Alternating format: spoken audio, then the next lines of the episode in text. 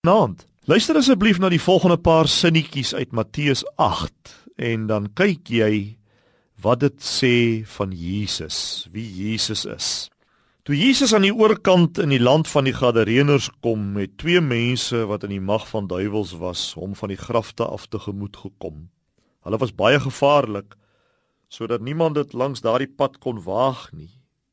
Skielik het hulle begin skreeu: "Wat het u met ons te doen, seun van God?"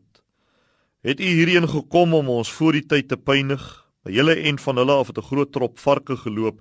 Die duiwels het hom gesoebat en gesê: "As u ons uitdryf, stuur ons tog in die varke in. Gaan," het hy vir hulle gesê. Hulle is toe uit die mense uit en het in die varke ingevaar.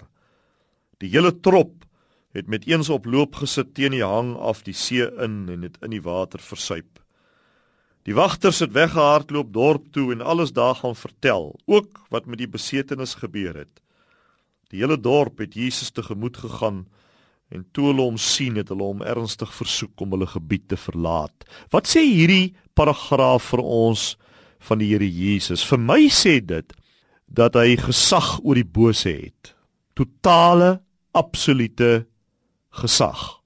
Onthou, die bose is 'n werklikheid bose geeste en demone is 'n werklikheid. In die geval van 'n besetene praat die geeste deur die persoon se mond. Ons sien dit duidelik in hierdie gedeelte. Die fokus is egter nie op die bose nie, maar op Christus. Jesus se oppergesag en sy autoriteit. Hierdie demone is skrikbevange toe hulle hom sien en kan nie roer sonder sy ja woord nie. Kyk vers 32 sê: "Gaan." Net dit, een woord, gaan. Besef ons met wie ons te doen het? Jesus die Here. As jy syne is, is die bose nie jou baas nie en hoef jy hom nie te vrees nie. Wat 'n wonderlike blye boodskap. Here, die skrif, die Bybel is duidelik dat die Satan 'n realiteit is, maar nie 'n god nie.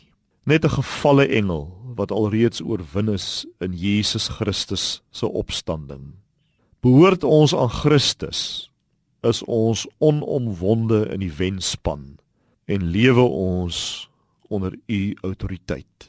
Met die grootste lof aanbidding en dank. In u naam bid ons dit. Amen